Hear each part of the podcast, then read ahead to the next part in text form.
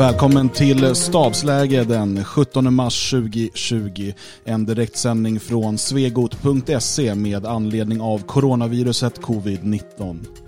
Vi kommer idag titta närmare på utvecklingen i såväl Sverige som resten av världen och till vår hjälp har vi i den andra delen med oss en finsk gäst som berättar om läget i den forna östra rikshalvan. Välkommen till stabsläge.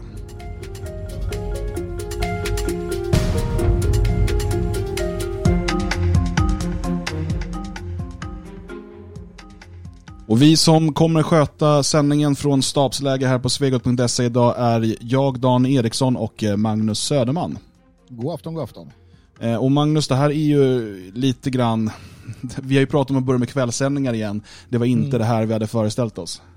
Nej, jag tror ingen har föreställt sig det som händer just nu. Eh, eller snarare så här, många har pratat vitt och brett om att det komma skall och många har till och med eh, hoppats på det. Va? Men när det väl händer så blir det ju väldigt bekymmersamt i alla fall. Så att eh, eh vi ska göra vårt bästa för att finnas här och eh, resonera, samtala och eh, titta på vad som händer allra senast. Så det blir lite av allt möjligt faktiskt. Så är det. Och stabsläge kommer alltså numera sändas varje vardagkväll 20.00.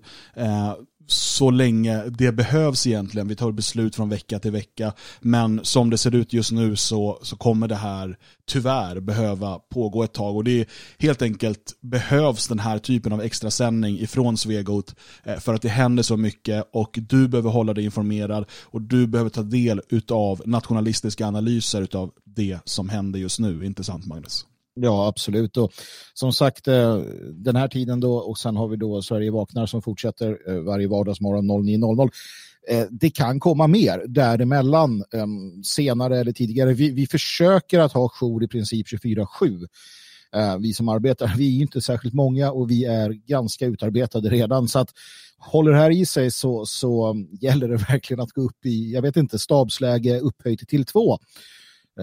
Så, men, Panikläge. Men vi ja.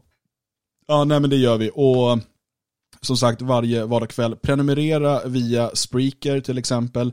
Eh, eller se till att vara på vårt nyhetsbrev eh, besöksvekot.se 20.00 varje vardagskväll och med vissa då eh, helt enkelt extra sändningar när det behövs. Men låt oss nu börja den här sändningen med att titta närmare på några utav dagens rubriker. USA-börsen i fritt fall. Det, stora, det största raset sedan svarta måndagen 1987. Många skulle tro att det här beror på virusutbrottet, men på Svenska Dagbladet heter det att Donald Trump sänkte börserna. Vid en presskonferens tidigare idag meddelade Stefan Löfven att svenska gymnasieskolor stängs. Eller ja, de uppmanas att hålla utbildningar på distans. Om de vill. Elever i grundskolan tvingas dock fortfarande gå till skolan. Vi har ju trots allt skolplikt. Fyra boende på ett äldreboende i Flen har testats positiva för coronaviruset covid-19. Smittan kommer från en anställd som felaktigt hade tagit sina symptom för astma och därför fortsatt gå till jobbet. Klockan 18 höll infrastrukturminister Thomas Eneroth en presskonferens där han meddelade ett stödpaket till flygbranschen på 5 miljarder kronor. En tredjedel av dessa miljarder öronmärks åt SAS, som uppenbarligen hatar skandinavisk kultur och identitet men älskar skandinaviska skattepengar. I Elgarås försöker Töreboda kommun nu stoppa det fria Sverige från att sprida information till allmänheten genom uppsättning av plakat. Plakaten informerar om att man erbjuder hjälp att handla för äldre och andra i riskgrupper. Men innehållet till trots menar kommunen att det rör sig om otillåten affischering och skickar ut kommunanställda för att riva ner informationen. Och till sist, Chefen för det tyska offentliga hälsoinstitutet låter meddela att det finns en risk att de stora inskränkningarna i människors liv kan behöva fortsätta i upp till två år. Men hur kommer samhället reagera när dagar övergår i veckor som övergår i månader? Det ska vi diskutera nu. Ja, Magnus, två år säger man här från Robert Koch Institut som är, det kan till viss del jämföras med Folkhälsomyndigheten det är en, en offentlig hälso, ett offentligt hälsoinstitut som gör riskanalyser och annat för eh, den tyska förbundsrepubliken. Mm. Två år eh, i extremfall, alltså om det vill sig riktigt illa, är den risken, riskanalysen man gör nu. Men även om vi inte talar om två år så kan vi säkert tala om många, många månader utan normalitet. Mm. Mm. Det, ehm, det, det, det, går ju inte att säga om egentligen. Eh, alltså, det finns ju säkert, eller det finns ju funderingar, det finns eh, analyser, det finns, eh, det finns studier som det alltid gör. Vi ska komma in på, på vad några säger i alla fall, vad det lider. Men så där rent spontant, så när jag pratar med människor inom kriminalvården som har fått fängelsekunder då från den stora allmänheten, alltså vanligt folk som av ett eller annat skäl hamnar i fängelse så eh, brukar de reagera eh, på det sättet att det tar ett tag innan de fattar. Eh, och det de inte fattar från början är att deras, deras frihet är inskränkt. Det vill säga att ehm, de kan eh, säga till vakten att du släpper ut mig så får jag gå och röka lite. Och vakten säger nej, och där någonstans börjar de förstå att okej, okay, jag får inte gå ut, alltså vad som än händer så att säga. Och det är där som inte har slagit till överhuvudtaget. Jag menar, i Sverige har vi inte ens karantän som i Italien och i Italien har man ju varit särdeles dålig eh, på många ställen i alla fall att att kunna upprätthålla den här karantänen. Eh, den franska presidenten gick ut och sa att han betvivlade fransmännens eh, disciplin och förmåga att stanna hemma varför han har kommenderat ut poliser och militärer på gatan när jag pratade med en god vän som, som tjänstgör i den franska stridsmakten och de, de kommenderas alltså ut eh, på gatorna i detta nu i princip för att, för att upprätthålla ordning och för att um, se till så att människor gör det de ska.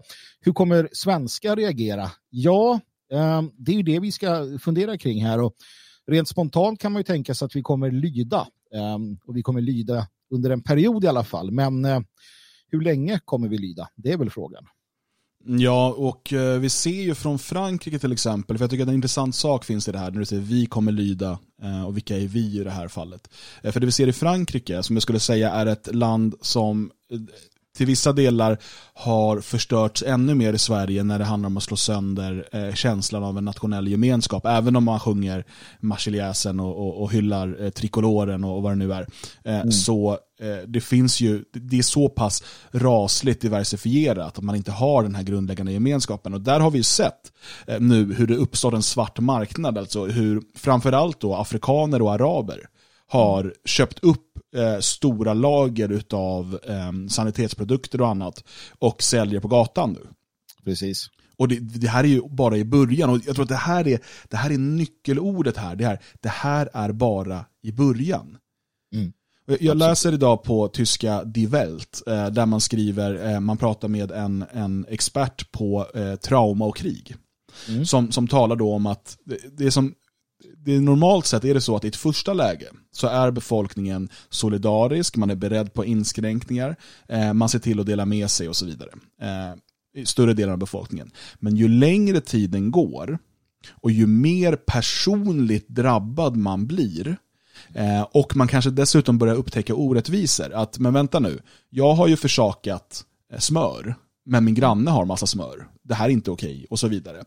Med tiden växer en annan mentalitet fram och eh, normalt sett brukar det handla eh, om ungefär en och en halv månad. Mm. Det här är jätteproblematiskt, eh, speciellt som jag märker utifrån från mitt perspektiv eh, att, att prata med människor i sin närhet. Och nu gäller inte det människor som på ett eller annat sätt tillhör föreningen eller som på andra sätt är eh, utav vår anda. Utan andra människor generellt sett i området som överhuvudtaget inte har våra idéer och tankar och som eh, för, för närvarande ägnar sig åt att, att eh, säga det gamla vanliga, det här är bara en influensa, sluta larva dig. De tillhör inte den, den gruppen människor som är förberedda eller ens intresserade av att förbereda sig. Och det gör att det här segmentet av befolkningen kommer bli ytterst problematisk i en längre period. För att någonstans, även om de inte så att säga blir arga på mig för att jag har smör, så kommer de inte kunna känna eh, sig förnöjda med att, att, eh, att sitta hemma, att eh, undvika till exempel då att, att röra sig ute i onödan, utan de här människorna kommer tröttna på Netflix-serierna när de har sett dem ett par gånger och då kommer de börja ta sig ut, för då kommer de också tänka att ja, men nu är ingen annan ute. Va? Eh, som vi har sett i, Italien där den, den svarta marknaden på eh, att hyra hundar har ökat efter några dagar egentligen. Um, för att man får gå ut med hunden. Va? Mm. Um, så att, så att det, det kan bli och framförallt i storstäderna naturligtvis. Om någon granne smiter ut och tar en skogspromenad så, så är det ingen som bryr sig om det. Men om det börjar liksom, ja, att man börjar eh, vänja sig vid det istället, att man smyger, då blir det ju problematiskt. Mm. Jo, för vi har ju en, en till variabel här, för du säger i storstäderna och på landet, det är en variabel. Eh, en annan stor variabel är ju, eh, och det berör ju framförallt storstäderna, eh, de här områdena som är totalt eh, invandrardominerade och som eh, under lång tid har kallats för no-go-zoner och så vidare. Mm. Eh, där man sedan länge inte respekterar eh, svensk lag och, och, den svenska staten och så vidare. För att svenskarna kommer nog, alltså det, det som är tydligt är att svenskarna litar väldigt mycket på staten. Oh ja. eh, för att om man tittar på eh, hur människor beter sig just nu Alltså folk sitter på restauranger i Stockholm och, och, och man, man liksom fortsätter leva ett, ett ganska normalt liv. Det är ja, bara det att... Det är 499 personer. Precis, bara inte... Det, det, alltså det, jag ser filmklipp från folk som är i Stockholm och går ut och käkar. Eh, och det är fullt. Det är fullt liv och du vet, det är fulla människor på restaurangen som skålar och kramas och sådär. Eh, och, och man, för att staten har ju sagt att det här är inget problem. Upp till 500 personer Eh, och fortsätt leva era liv som vanligt. Liksom, men har du symptom, stanna hemma. Precis. Eh, så att som sagt, man, man kommer ju fortsätta att följa detta. Nu, nu ska det bli intressant att se, det blir ett första test här. Uh, och det blir i princip från Tyskland, om jag inte missminner mig, jag läste om detta, att man, uh, man förbjuder den här fredagsbönen i moskéerna. Ja. Uh, och ja, det återstår att se hur det här kommer tas emot. Va? Eh, jag menar, det handlar inte bara om religiös, i det här fallet religiöst eh, dåreri, det vill säga att man någonstans kanske får för sig att eh, ja, men det här drabbar bara de otrogna eller vad det nu kan tänkas vara, utan, utan det är ju rent um, det, kan, det kan vara som, som Rashid Musa idag skriver, han, han misstror ju uh, allt som kommer från den vita mannen, så att säga, eller den vita människan, och det kan finnas andra sådana här saker. Uh, jag menar, det räcker med att det, det kommer någon sån där predikant eller uppviglare som hävdar att det här är ju bara ett sätt att förtrycka eh, muslimerna eller någonting så kan vi nog få se på, eh, se på, på Hallabaloo. Och, och, ja, det, det, blir lite av ett test hur det kommer fungera i Tyskland och då kan vi sen, sen då se och förvänta oss eh, ungefär likadant här hemma i Sverige vad det lider. Mm. Ja, och för det vi, vi har ju egentligen en typ av facit i andra länder. Och det här eh, har ju vi och andra eh, sagt hela tiden. Men titta på vad som händer till exempel i Italien. Titta på vad som händer i Tyskland och så vidare. Sen kommer det inte vara ett till ett liksom exakt samma förlopp. Det finns en del eh, skillnader i, eh, framförallt i liksom stadsplanering och så vidare som gör att svenskar bor mer glest och sådär. Eh, men i storstäderna kommer vi kunna se liknande utveckling. Och hittills så har ju allting följt den linjen, precis som vi har sagt. Mm. Eh, och, och, och, också med åtgärderna ifrån svenska staten. Precis, och nu kommer vi kanske få se, eller det har vi sett under gula västarna, hur effektiva de parisiska gatorna är. De är ju byggda Eh, för att kunna hantera stora folkupplopp med de här breda boulevarderna och avenyerna, sånt som vi inte har i Stockholm eller i förorten för den delen. Så utifrån det perspektivet så är ju Paris ganska bra för myndigheterna i alla fall. Och, nej, jag tror att Paris eller eh, Frankrike ligger i Marseille och sådana här städer Um, återigen, det finns en levande landsbygd där också. Den uh, kommer ju klara sig bättre. Saken är den att um, du hänvisade till den här idén om att efter en och en halv månad så, så tröttnar man. Och det, det tror jag nog att man kan göra. Men har du en och det har vi inte. Alltså har du en homogen nation, en, en nation med eh, en förståelse för sitt eget öde, sitt arv och så vidare, då kan du få det där att sträckas ut över lång, lång, lång, lång tid. Eh, man kan se till exempel hur eh, nationer som har varit under ockupation har kunnat hålla ut väldigt länge. Eh, jag skulle kunna hänvisa till, inte vet jag, Vietkong i, i eh, Vietnam och så vidare, där man de facto som folk slöt upp bakom rebellerna då under många år. Um, och så. Men vi har inte den homogeniteten, vi har inte den folkgemenskapen. Så att jag ser inte att, att, uh, att det kommer vara så faktiskt. Och, som du sa, vi ser redan nu hur, hur många människor de är hyperindividualister, eh, har blivit det genom åren. Och då är det svårt att se nyttan med att bry sig om sin nästa. Mm. Ja, och eh, jag tror att vi kommer få se um dels eh, en del eh, mm, ska man säga, olydnad och, och upplopp och liknande i de här, framförallt, det kommer börja i de här invandrarområdena. Eh, för att staten kommer väl säkert försöka för alltså det vi ser nu, jag kan säga att i Tyskland, jag följer tysk media eh, på liksom timbasis, eh, där säger man nu att det är förmodligen bara en fråga om dagar innan det blir utegångsförbud. För det är ju nästa steg man har i den här åtgärdstrappan som man använder och som vi ser i varje land. Vissa mm. länder har ju lärt sig av andra och infört mera på en gång. Alltså våra nordiska grannländer har varit rätt snabba. Ja, utom eh, Finland. Ja, de, de, alltså med snabba menar jag alldeles för långsamma. Men om du jämför med, med Sverige, och strategin är ju eh, sådan, alltså det finns ju en, en typ av flockimmunitetsstrategi, men man har ändrat lite på den. Tanken är ju att sätta in olika åtgärder i det man kallar för rätt tid. Alltså att få sjukvårds, eh, sjukvårdssystemet att bli så belastat som det är möjligt innan man tar nästa steg. Alltså det, det, det, låter konstigt, men alltså, bara för att man ska förstå strategin, sen behöver vi inte tycka att den är bra. Men eh, tanken är att, att, att då få sjukvårdssystemet att ligga på max hela tiden. För att mm. om man stänger ner för tidigt, så har man inte utnyttjat kapaciteten till max. Och mm. det som kommer hända efter några veckor när folk släpps ut eller börjar ge sig ut igen, eh, är att de blir smittade för de förstår inte att, att viruset fortfarande finns kvar. Så tillvida att vi inte har lyckats döda viruset på något sätt. Men, men, eh, och då blir det en stor överbelastning på systemet. Så att tanken är att folk ska smittas, mm. att man ska eh, bli smittad i rätt takt och så fort man, liksom, det är bara tänkt det som en vattenbehållare som fylls. Så mm. fort det börjar närma sig högst upp, då tar man till nästa åtgärd. Ja, ja, eh, och det är, så, det är så strategin ser ut just nu. Jag ifrågasätter inte logiken rent generellt. Jag, jag är ingen expert på, på virologi eller hur det här fungerar eller de matematiska modellerna bakom. Jag har sett en del sådana där. Och och jag har liksom bildat mig en uppfattning. Men, men jag ifrågasätter inte logiken, för den finns där. Och uh, jag har inte heller, som jag pratat om tidigare, något egentligt problem med, flockimmuniteten. Den verkar rimlig någonstans och så vidare. så vidare. Men det jag säger är bara det här att om nu svensk sjukvård redan låg på max innan mm. det här hände, SÖS var tvungen att gå upp i sitt stabsläge i samband med vinterkräksjukan. Där någonstans känner jag att det är väldigt vanskligt att, att eh, använda den taktiken. Då tycker jag någonstans att det är rimligare att, att gå ut hårt från början. Va? Eh, när man ändå har, eh, eftersom man har då försummat det här under så lång tid. Och, och sen finns det en annan sån här aspekt av det eh, eh, som, som också är någonstans sann. Det vill säga att man vill inte använda ehm, eh, tvingande karantän innan det är absolut nödvändigt eftersom att man vet att folk eh, inte kommer klara av det särskilt länge. Um, så att då vill man ju sätta in det också. Så, så, att de sakerna är inte helt orimliga. Det orimliga är att man eh, försummade Sverige under årtionden för att kunna byta ut befolkningen.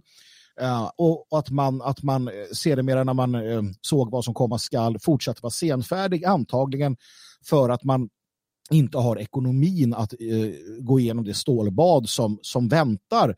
Man hoppades på att det inte skulle bli som det blev. Mm.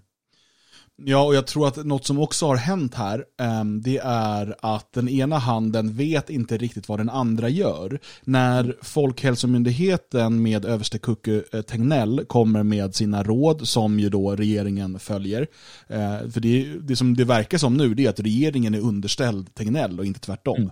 Mm. Eh, men men eh, att när Tegnell kommer med de här råden, så utgår han ifrån att Sveriges beredskap är god. Att vi har eh, en sjukvård som kommer kunna eh, som klara av x hundra eller tusen intensivvårdsplatser. När sanningen är att vi talar om ett 80-tal intensivvårdsplatser lediga och så vidare. Ja, för nu har vi hamnat i det här läget att eh, som man har, i alla fall jag har skrattat åt USA där du har då eh, departementet för alltså Homeland Security, du har, du har det, du har det, du har FBI och CIA och du har, du har liksom alla möjliga eh, FEMA och sådär. Du har tusentals olika myndigheter eh, som, inte, som ibland bråkar med varandra också. Jag, jag, tycker jag kan se det när vi till exempel såg hur MSB då eh, bad om, inte krävde, bad om eh, dispens för att få använda skyddsmask 90 och då eh, Arbetsmiljöverket säger nej. Det får ni inte, trots att vi befinner oss mitt i detta. Det är inte så att skyddsmasken är farlig på något sätt eller felkonstruerad. Den har fel stämpel. Det, det är det, det det handlar om. Så mm. att myndigheterna bråkar med varandra eller, eller inte vet jag, tjuvslår varandra precis som säkerhetspolisen kan, kan, kan känna på ett visst sätt gentemot Must eller vad som det kan vara. Och det, det påverkar oss. Och som sagt, Tegnell, han har ju rätt partibok så att det är ju inte omöjligt att han har suttit där och hört att ja, men, vår beredskap är god. Mm. Och tänkte att det är klart att den är det för att eh, vi har koll, vi är sossarna, vi har koll. Ja, och det som händer nu är ju ett, ett, um, ett utfall av kejsaren är naken. För att plötsligt så märker man att regionerna som har fått upp i, i, i um, uppdrag att ha en viss beredskap inte har det. För att de har velat slimma organisationen, de har velat liksom lägga pengar på annat. Samma sak med staten som har gjort sig av med alla beredskapslager. Eh, för att man, alltså inofficiellt, och det tycker jag att det, är en slutsats vi kan dra, för att kunna finansiera massinvandringen. Mm. Pengarna måste tas någonstans ifrån och då slimmar man allt annat och hoppas att ingenting eh, avslöjas. Jag vill bara säga det om flockimmunitet, att det är en farlig strategi. Eh, mm. Dels för att vi inte vet om man kan bli återinfekterad av viruset. Det finns ju rapporter om att så har skett, men det kan också det kan finnas flera anledningar till det. Men vi vet inte att man inte kan bli eh, återinfekterad. Det är det ena. Vi vet inte heller exakt de permanenta skador som fler kan få än bara de som dör eller bara de i riskgrupperna. Det har mm. kommit rapporter om allt ifrån nedsatt lungkapacitet till eh, sterilitet hos män. Eh, mm. Och det här är bara, alltså viruset är väldigt ungt, vi vet inte exakt. Därför är tanken om att, att liksom låta befolkningen eh, infekteras Mm. Eh, det är ett väldigt, väldigt högt spel. Eh, och, och, låt oss bara konstatera att det här är ju inte den, det här är inte den strategi som vi hade valt, utan när, när det redan i januari stod klart att folk flög, kom ut från Wuhan och flög till mm. Sverige skulle man ha stängt ner alla flyg från Kina. Så fort eh, det första fallet dök upp i Europa, då i Italien, så skulle man ha sagt ingen kan flyga hit från Italien, man skulle, man skulle stoppat alla resor dit. Alla som kom och hade varit i någon av de här zonerna senaste månaden skulle dels eh, kontrolleras och sen sättas i karantän i två veckor. Absolut, och därtill hade vi pratat med våra nationalistiska eh, regeringskollegor runt om i Europa och sagt låt oss satsa allt på att, eh, att hjälpa Italien. Um, för att någonting vi kan bara kan meddela det är ju det faktum att Italien har bett om hjälp. Uh, de är medlemmar i EU och liknande. Och svaret från EU och EUs medlemsländer har varit inget. Alltså inget land har kommit till Italiens hjälp enligt dem själva. Och det senaste jag läste var att den italienska en hög italiensk diplomat sa att vi, vi hoppas på Kina. Det är de enda som bilateralt hjälper oss nu. Mm. EU har alltså fullständigt säckat ihop um, i detta. Ja, och Serbien som visserligen inte ligger i EU, de får inte heller någon hjälp någonstans ifrån. De vänder sig också till Kina nu. Mm. Eh, så ja, man måste ju förstå hur absurt det här är. Och, och, vi ska prata mer om, om de konsekvenserna eh, senare, eh, så vitt jag eh, kan, kan minnas det vi sa att vi skulle prata Precis. om. Vi kommer idag eh, sända en timme och det är det vi satsar på att göra varje kväll klockan åtta. Eh, vi har många saker att prata om men vi kommer ha många kvällar att göra det och eh, extra sändningar. När den här sändningen är slut eh, så skulle jag rekommendera att du, eh, om du vill ha mer av eh, snack om corona och liksom, jag vet inte, någon typ av sällskap, för många av oss sitter i självvald eh, karantän nu, att gå in på eh, Vita Pillers Doomer Live som börjar klockan nio på YouTube. Det finns länk under det här avsnittet, annars bara gå in på um, till exempel Twitter eller gå in på YouTube och sök på Doomer Live så, så kommer ni hitta det. Um, de, de tar vid efter oss klockan 21 nämligen. Jag vill också passa på att tacka de som har donerat här till våran eh, satsning på den här coronabevakningen. Eh, vi lägger till väldigt mycket resurser nu och jobbar dygnet runt. Vi har satt jour dygnet runt för att kunna ha den bästa coronabevakningen och göra ordentliga analyser och så vidare. Eh, och eh, stort tack till er som har donerat till den här satsningen. Eh, Petter, Jan, Tommy, Elias, Mattias och Natalia. Om jag har missat någon så ber jag om ursäkt men det är de här jag kunde se nu när jag tittade igenom. Vill du stödja den här satsningen och se till att vi kan hålla den här rapporteringen, swisha en gåva till 123 510 5762.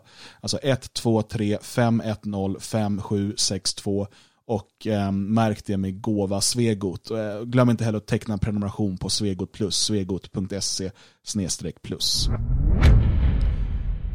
Vi ska till eh, Töreboda, Elgarås, där du sitter just nu Magnus. Ja, um, det gör jag och uh, jag blev uh, stum, ska jag säga. Jag blev, jag, blev, jag blev eh, förskräckt, jag blev väldigt ledsen också. Det, det, är sällan jag blir det på det sättet. Va? Men det kändes ytterst sorgligt när jag idag fick ett eh, e-postbrev eh, till min, min mail naturligtvis, där jag blev informerad om att det hade skickats ett brev till, till föreningen då, till det fria Sverige, vår våran adress här. Ehm, och det var från Töreboda kommun och där skriver man då eh, att vi, det fria Sverige, har affischerat eh, med plakat på kommunens mark, eh, det vill säga elstolpar och liknande, satt upp plakat där. Och det får man inte göra. Ehm, Eh, de skriver följande. Kommunen har uppmärksammat på, uppmärksammats på att föreningen Det fria Sverige och Svenskarnas hus med telefonnummer till Daniel Frändelöv har satt upp affischer som vetter mot allmän plats i Elgarås samhälle. Enligt uppgift från Polismyndigheten finns inget tillstånd beviljat för denna affischering. Man fortsätter. Kommunal personal har därför varit i Elgarås samhälle under förmiddagen den 17 i tredje och plockat ner de affischer som varit uppsatta då denna affischering inte är tillåten utan tillstånd av Polismyndigheten. Man uppmanar sedermera oss i det fria Sverige och svenskarna ut att upphöra med affischering utan tillstånd av Polismyndigheten då detta bryter mot de lokala ordningsföreskrifterna. Och då är frågan den, mina vänner, vad var det som stod på de här och hur var de uppsatta? De var uppsatta med buntband på, eh, på el, eh, såna här um, Elstolpar. Lamp, ja, eh, eh, lampposter. Precis, så det gör alltså ingen åverkan alls. Överhuvudtaget ingen åverkan. De är inplastade så att det blir inte ens eh, pappersrester om det regnar. Och på dem står det om du tillhör någon av riskgrupperna för covid-19, om du tillhör de äldre, de sjuka i samhället som behöver hjälp eftersom att du ska stanna hemma, om du inte kan ta dig till butiken eller vad kan det nu tänkas vara annat, du kanske vill ha någon att prata med, du kanske är rädd eller ensam eller vad som helst, då kan du höra av dig till Daniel Frändelöv så kommer vi, eh, lokalt föreningen här, att hjälpa dig. Det är vad som står på de här affischerna. Eh, och att, att, att man då från, från kommunens sida går ut och river ner dem, eh, klipper bort dem och be, alltså beordrar oss att upphöra med detta. Det, det, det är, det är bottenlöst eh, föraktfullt måste jag säga. Det, det, det, det gjorde ont i, i, i mig. Ja, men låt oss inte eh, göra oss några illusioner här. Det här handlar ju inte om ordningsföreskrifterna. Naturligtvis inte. Det här är ju, det här är ju politiskt. Och, och då ska man veta då att Elgarås är där det fria Sverige har öppnat det första Svenskarnas hus. Eh, och vi har fått ett väldigt, väldigt eh, bra mottagande på orten. Många eh, som bor där har blivit medlemmar. Ännu fler kommer regelbundet och besöker huset. Eh, och, och, vi har fått väldigt, väldigt eh, uppskattande telefonsamtal och mejl och, och, kommentarer på, på byn. Ehm, och det här vet vi har nått ända in i kommunhuset. Att ja. det, det, finns liksom positiva känslor kring Svenskarnas hus. Eh, och Saken är den att Töreboda kommun gör ingenting för att hjälpa de äldre som behöver hjälp nu att handla. Det finns ingen annan förening som har erbjudit det i Elgarås. Vi är de enda som har gått ut och gjort det. Eh, och då försöker man stoppa det. För att man är orolig att det här ska jag vet inte, höja vårt anseende eller vad, vad det nu än må vara. Men man är alltså en sån liten och usel människa och, och eh, liksom kommun att den här politiska korrektheten ställs över kanske människors liv. Mm. För att ja, vi i måste... blir det så. Ja. Och, och, och, och det, det, det, är, det är oförsvarligt beteende från, från Töreboda. Jag, alltså jag, jag, är helt med på att det finns lokala ordningsföreskrifter. Och i, mm. i en helt normal eh, liksom tid så hade jag sagt, nej men ni får inte sätta upp de här utan ni får använda andra metoder. Okej, okay. mm. det, det, det, det, är inga problem. Jag tycker man ska ha regler. Men det här är ett exceptionellt läge. Och väldigt många äldre är förtvivlade. Att vi då ska vara hänvisade till till exempel en enda anslagstavla. Där vi vet också, det har vi sett flera gånger, att utlänningarna kommer och river ner våra lappar. Mm, där vi vet också att eh, av, av, naturliga skäl så vill många inte gå dit för att eh, de tar sig in till, till Hova eller till eh, Töreboda för att det är trevligare, fräschare och schysstare. Ja. Och, och eh, där, alltså vi, eh, där, och vi ska hänvisa det dit, istället för att kunna nå människor. Och vi har inte riktigt möjligheten att dela ut flygblad för att det finns inte brevlådor på det sätt som det finns på många andra ställen. Kommunerna har sparat in pengar, vilket gör att man istället måste gå till en butik och hämta sin post. Många har fortfarande brevlådor men ingen kollar i dem. Det har vi, Nej, märkt, inte... Nej, men det har vi märkt tidigare när vi har delat ut information att de flesta är överfulla för det är ingen som bryr sig om de där brevlådorna för räkningar och så vidare kommer till butiken. Mm, nej men precis, jag, jag, jag har ju själv en sån och det, det, det är liksom man tittar i den med någon veckas mellanrum eller när det, börjar stopp, när det börjar ramla ut reklam för att man tänker inte på det på det sättet. Eh, sen, sen handlar det också om att, att, eh, att det ska vara en synlighet naturligtvis och då, då hittade vi det här sättet tyckte vi var det absolut bästa. Eh, och eh, nej, men som du säger också, man kan ju tycka, och det är klart att man gör det från kommunens sida, eh, att, att se till innehållet. Eh, hade det varit politiska eh, politiska budskap eller någonting, då kan jag förstå det också. Och vi har inte ägnat oss åt detta. Vi uppmanar ingen av våra medlemmar att göra det. Eh, vi har tidigare satt upp eh, inför möten och liknande på de, de eh, platser som det är så att säga tillåtet. Det, det, är det vi brukar göra. Men i det här exceptionella läget när det kallas till samling, när eh, utlänningar som startar igång eh, liknande eh, projekt i sina kommuner eh, hyllas i dagspressen Eh, Eh, då väljer Töreboda kommun att, att då ingripa mot oss, skicka ut pe personal som kostar pengar um, som, som kunde ha förberett krisberedskapen i kommunen istället för att plocka ner lappar. Och det är ett sätt att komma åt oss för att man vill inte ha oss här. Hade det varit eh, tillsammanskapet i Töreboda som gjort det så hade de naturligtvis inte fått sina eh, skyltar nedrivna. Då hade de istället fått stöd och säkert eh, annonser i lokaltidningen för att, att eh, göra det uppmärksammat. Det, det, är politiskt motiverat, vilket gör det hela ännu vedervärdigare. För att som du sa inledningsvis, Dan, eh, här bestämmer man sig för att det är viktigare, det är viktigare att, att så att säga eh, tysta oss än att en eventuell Eh, äldre människa eller sjuk människa får den hjälp som kommun och stat inte kan ge. Mm. Det, det, det, är horribelt. Det är svårt att finna ord för det, det, det, det förakt jag känner för Töreboda kommun.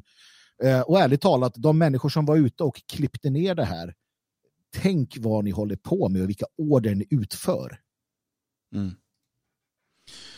Ja, nej, verkligen. Det, det är eh, oerhört, eh, oerhört uselt. Men, men, självklart, vi i det fria Sverige kommer inte sluta erbjuda vår hjälp i eh, Elgarås med omnejd eller på andra ställen. Och vi kommer inte heller sluta informera om det. Mer information kommer dyka upp på detfriasverige.se kring hur det här fortskrider. Vi kommer inte eh, lägga oss ner och liksom ge upp för att kommunen kommer och klipper ner våra plakat. Det kan man ju bara eh, glömma. Åh nej. Åh nej, snarare tvärtom. Äh, jag, jag, jag, profe, min profetiska syn säger att det kommer finnas dubbelt så många plakat uppe vad det lider. Vill man polisanmäla och bötesbelägga oss för att vi vill hjälpa våra medmänniskor så gör det då. Jag menar, det, det bekymrar oss överhuvudtaget inte. Vi kan säga så här också, att sen vi gick ut med det här eh, eh, på vår hemsida för några timmar sedan så har det kommit in en hel eh, radda Eh, Eh, donationer. Eh, just eh, som är öronmärkta då till vår kampanj i Töreboda kommun. Och då ska vi ta passa på att tacka Klas och Josef och Erik som skriver underbart arbete. Tina som skriver In the name of the saboteur Per-Ola.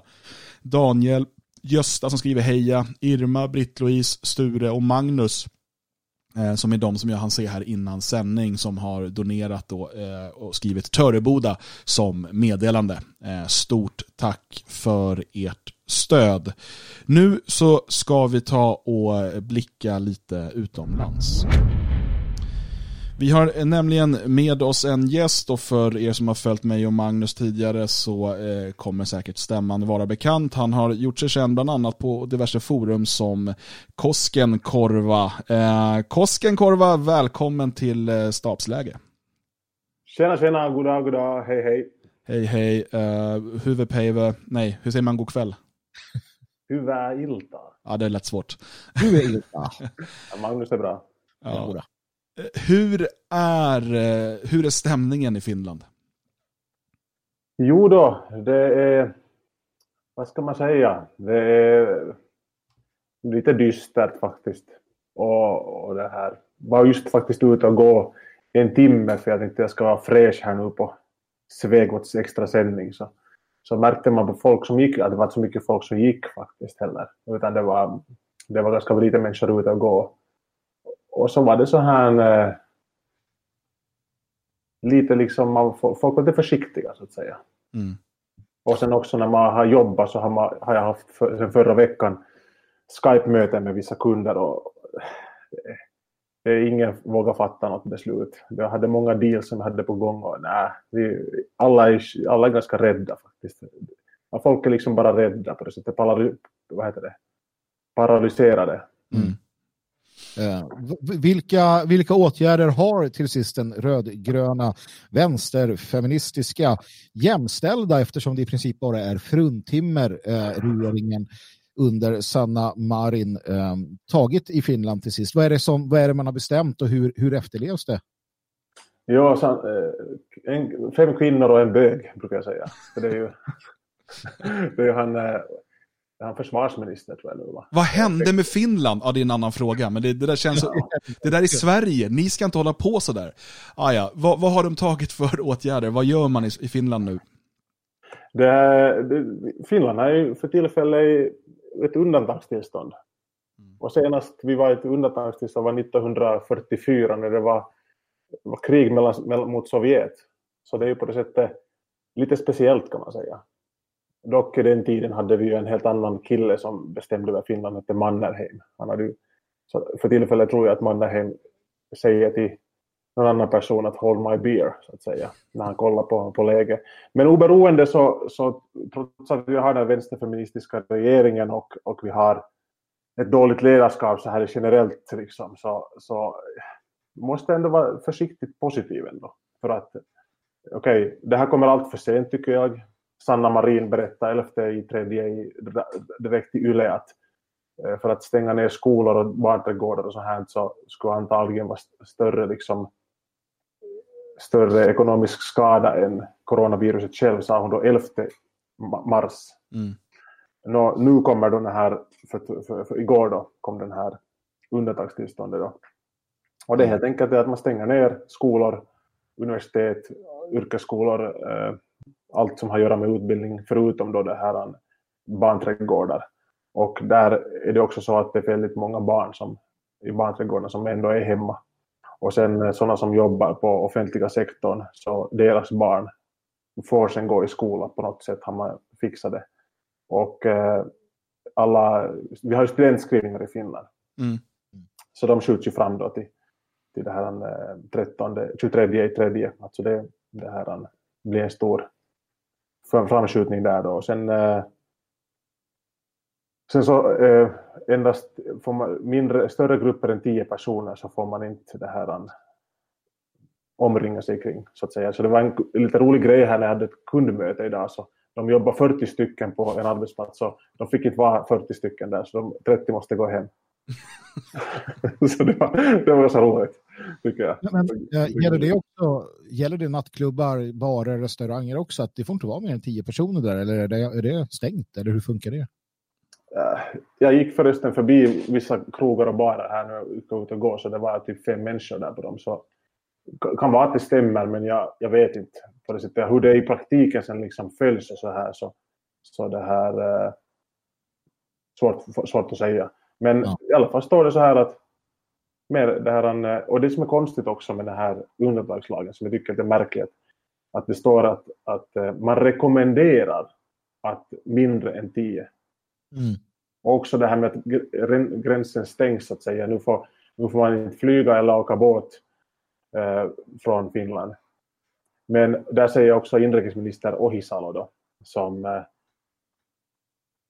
som säger då att vi rekommenderar att ni inte ska åka, med stark rekommendation. Så frågar man också gräns, en man från gränspolis, eh, gränsväsendet att vad betyder den här rekommendationen? Och vi visste, jag säger starkt att liksom, du får inte åka. Men om man ändå vill åka, säger den här journalisten, då, ja, vi, vi rekommenderar att du inte åker. Så jag vet inte exakt vad det där betyder nu egentligen. Det, det är den liberala demokratin som tar i med hårdhandskarna. Och på samma ämne, du är väl som, som många av oss andra eh, nationalist, och någon form av frihetlig sådan som, som inte ser särskilt ömt på, på för mycket inskränkningar i den personliga friheten och mm. för yttrandefrihet och liknande.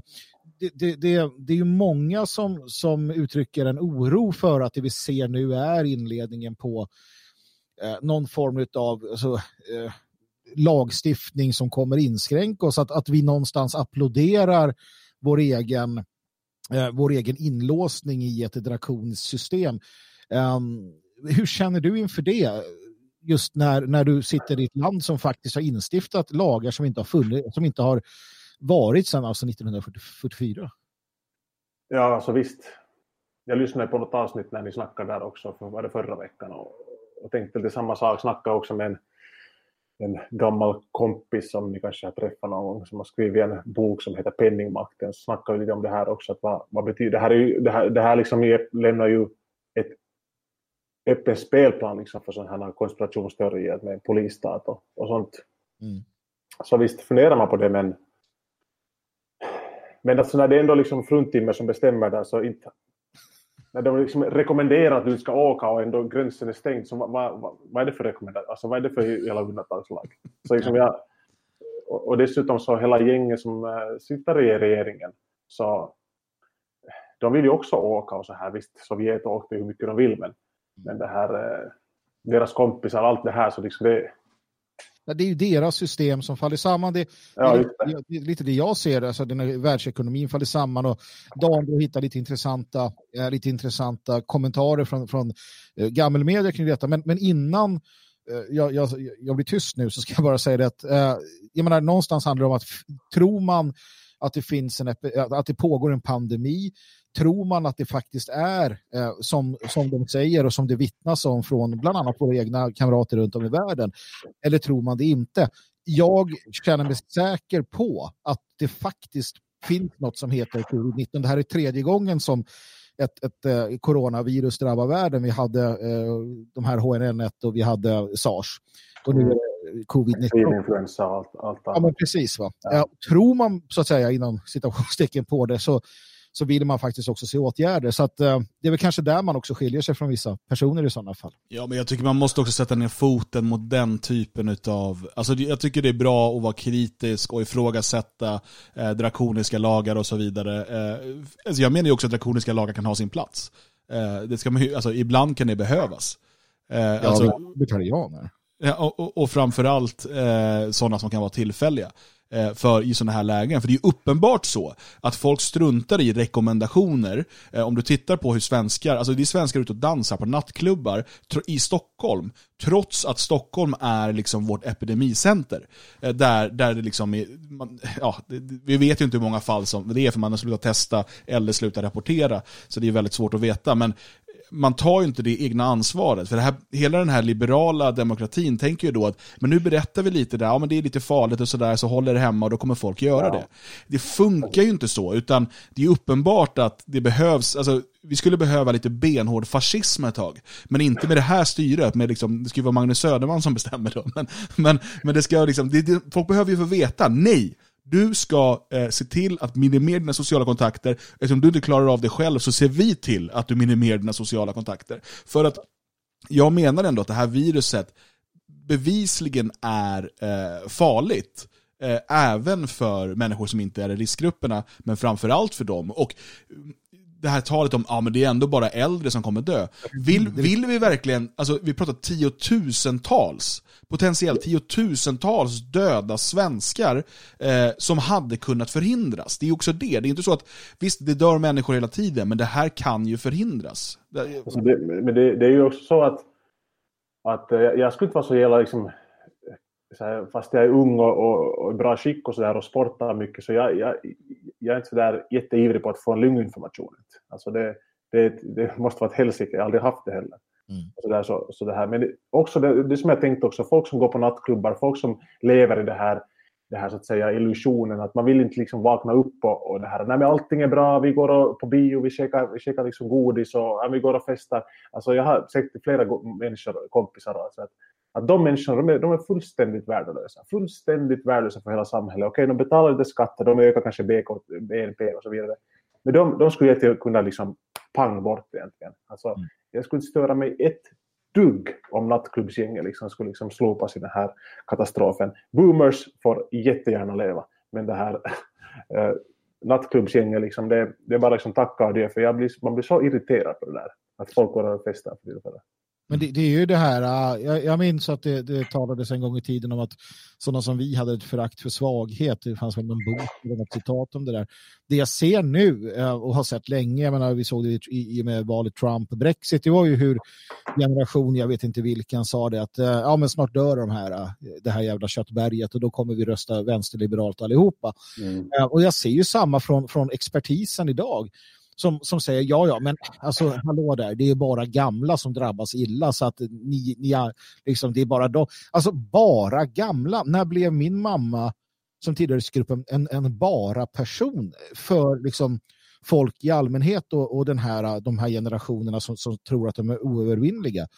För mig är inte hon bara och din mamma eller era liksom sådär är inte heller bara för mig. Och här ser jag återigen att det är vi det är vi som står för det mänskliga, det är vi som står för det humanistiska i detta. Um, som, som, som vi alltid har sagt. Då. För att den, den, det föraktet för, för svaghet, för äldre, för sjuka, det, det, är svårt att se, eller svårt att, svårt att förstå nästan.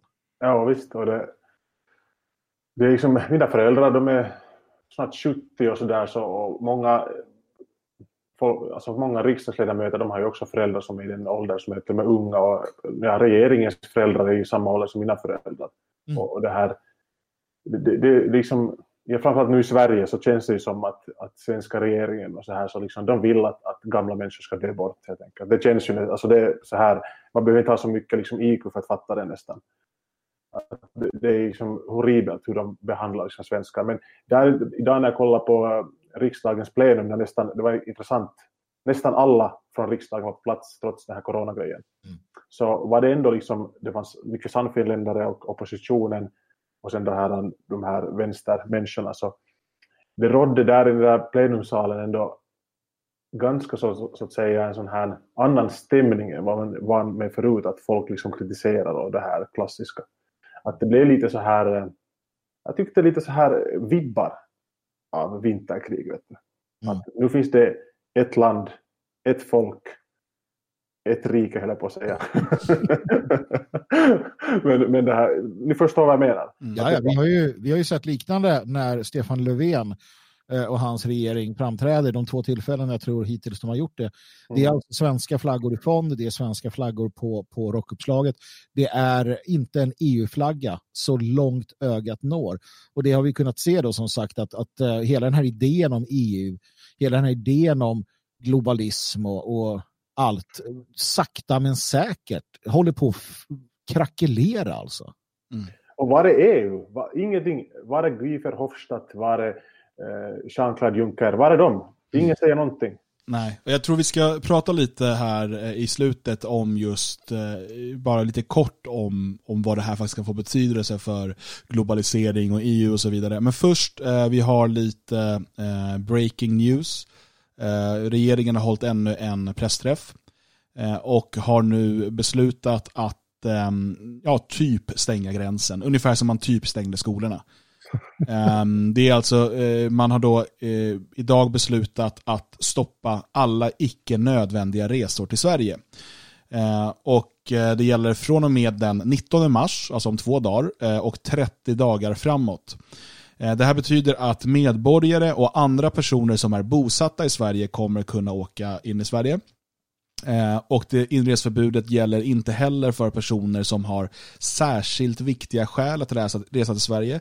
Det gäller till exempel diplomater, personer som är i behov av internationellt skydd och person som ska utföra nödvändiga funktioner i Sverige såsom hälso och sjukvårdspersonal och personer som transporterar varor till Sverige. Alltså massinvandringen kan fortgå, det vill säga att, att så kallade asylanter eller liknande, de är varmt, varmt välkomna. Ja, om de är i behov av internationellt skydd. Men nu, ska ja. de, nu kommer det inte vara superlätt att ta sig genom Europa hit. Det är med flyg i sådana fall. Ja, nej, precis. Men det, det är ju fantastiskt att, att eh, som, det här är ju precis samma som under, under när vi hade förra virus, eller eh, när vi hade mass, eh, vad heter det då? flyktingkrisen som det kallas. Um, då stängde man ju gränsen sist av alla. Mm. Det hade ju i princip redan skett överallt. Så det är så här, ja men nu kan vi göra det. Och jag visste att Löfven tittade på, på Sanna i Finland och sa att okej, okay, om, om vänsterfeministerna gör det, då törs jag också. Mm. Det är det här liksom sociala acceptansen man ska alltid liksom ha. Det är framförallt också den här kvinnliga regeringen vi har här. Så folk, hela, liksom, till och med, det som är intressant är att mainstream-medien, pissmedien i Finland, så den har varit relativt kritisk och ropat ut så att säga med stora rubriker med att, att hej, stäng skolorna, stäng skolorna och ändå liksom stängde de inte skolorna. Så de, de väntar på den här sociala acceptansen och sen först slår man igen skolorna i Finland. Mm. Ja, det är bara några dagar nu eh, kommer det dröja innan man stänger skolorna i Sverige också såklart. Det, det man måste ha på plats innan det är ju en möjlighet att eh, alltså rent ekonomiskt förstå hur man ska få det att gå ihop och se till att skaffa eh, skola eller då Ehm, omsorgsplatser för de som måste arbeta, eh, till exempel då lastbilschaffisar eller andra hjältar där ute, sjuksköterskor och liknande, eh, kassörskor på ICA och sådär.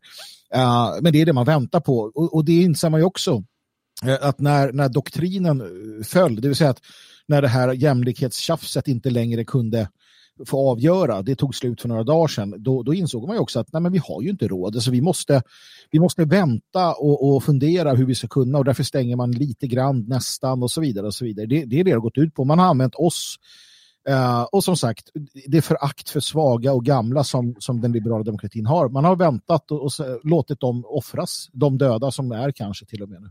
Mm. Det här är väl eh, kanske föremål för en längre diskussion och vi kommer komma åter till den här i stabsläge och eh, på andra platser på Svegot eh, framöver. Men jag tänker ändå nu Rasmus här att vi de sista här 7-8 vem, minuterna. Vem är det? vi ska eh, prata de här sista 7-8 minuterna om eh, effekterna av det här. Det är svårt att säga om, men jag tycker att det är intressant att läsa. Till exempel tyska Die Welt skrev att eh, Afrika är mindre drabbat av viruset eftersom att globaliseringen inte har kommit lika långt där. Eh, och på samma tema skriver eh, man på Bloomberg eh, på ekonomiavdelningen om att globalister kan snart vara en utrotad art. Och, det man menar då är att eftersom att det länderna kommer lära sig, eller staterna och folken kommer lära sig utav den här Eh, det här viruset och allt som händer nu är att flytta eh, till exempel eh, produktionen närmare. Eh, och det här kommer förstöra då eh, hela den här globaliserade ekonomin, den kommer inte fungera på samma sätt och att människor kommer ha mycket högre krav på protektionism och, och förberedelse och så vidare. Eh, och jag tycker att det låter som en, en ganska rimlig analys av, av hur läget kan vara när, när stormen är blåst över. Ja, ja alltså det, det är väl liksom det som jag snackar med. Eller skulle jag kommentera det här eller? Ja, gärna. Ja, just det. Ja, eh, jag, tror, jag tror den här hela liksom pandemin, som man kan kalla det, kalla det redan, så det är ju, jag sa det på något Instagram-story som jag gjorde också, att det här är faktiskt en ganska bra sak för hela samhället. Alla som så att säga, nattklubbsgäng och, och ytliga Gucci, eh, Louis Vuitton-väskhandlare så att säga, så får liksom fatt, tänka lite efter att vad är viktigt i, i samhället, vem, vem, är jag, vart ska jag, vad ska jag göra med mitt liv och så här att man kan inte bara drilla runt och, och eh, det, det, är ju en sak, men sen det här med att det är väl inte så smart att ha liksom allt, all produktion i, i Kina eller i låglöneländer och sådär. Så, mm. Det var, det var det som hade, ni hade väl också någon sån här eh, podcast här just som ni berättade om att det här är något nytt, något nytt sker för tillfället och det har vi väntat länge på. Det är ett paradigmskifte och det kräver väl sådana här stora liksom, katastrofer mm. för att vi ska liksom eh, ändra på saker och ting. Ja, men speciellt om vi, om vi nu kommer se, eh, det vet vi inte, men om, om länder som, som Ryssland, Ungern, Polen eller liknande länder eh, som har en, en liten annan inställning till det här, om de klarar sig mycket bättre ur eh, coronakrisen så, så, är det ett argument, eh, även om man inte behöver hålla med dem om allt naturligtvis. Eh, mm. Men, men, samtidigt så, och det vet jag man pratade om i morse i, i Sverige vaknar, tror jag var i morse, eh, huruvida våra ungdomar och barn kommer lära sig något av det här eller om det det kommer bara gå ett par månader efteråt så helt som vanligt. Och jag tror inte det. Jag tror att det naturligtvis kommer spinna tillbaka ganska snart i det att folk börjar konsumera och sådär. Men det kommer finnas kvar någonting. För det här är något som, som på djupet sätter spår. Och, och, om det nu stämmer som tyskarna säger eller som britterna där att vi pratar fyra, fem månader, ett år, två år så blir det här inpräntat ska jag säga i, i, i, i det kollektivt omedvetna. Mm. Alltså det blir ett minne eh, som kommer ligga kvar och min son kommer utan tvekan eh, ha, ha, minnen av, ja men jag minns det där som hände och vad skönt att vi var förberedda och det är bra att vara förberedd, det är bra att ha det man behöver och sådär och, och hela den här globaliseringen sätts, alltså när man ser hur MSB beklagar sig över att vi har betalat för varor men de kommer inte. Där någonstans måste man inse att nej, det är så när du handlar med andra länder. Det är alltid en själv som går först.